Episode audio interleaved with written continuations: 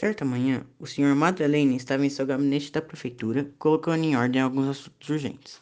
vendo avisar que o inspetor Javert queria lhe falar com urgência.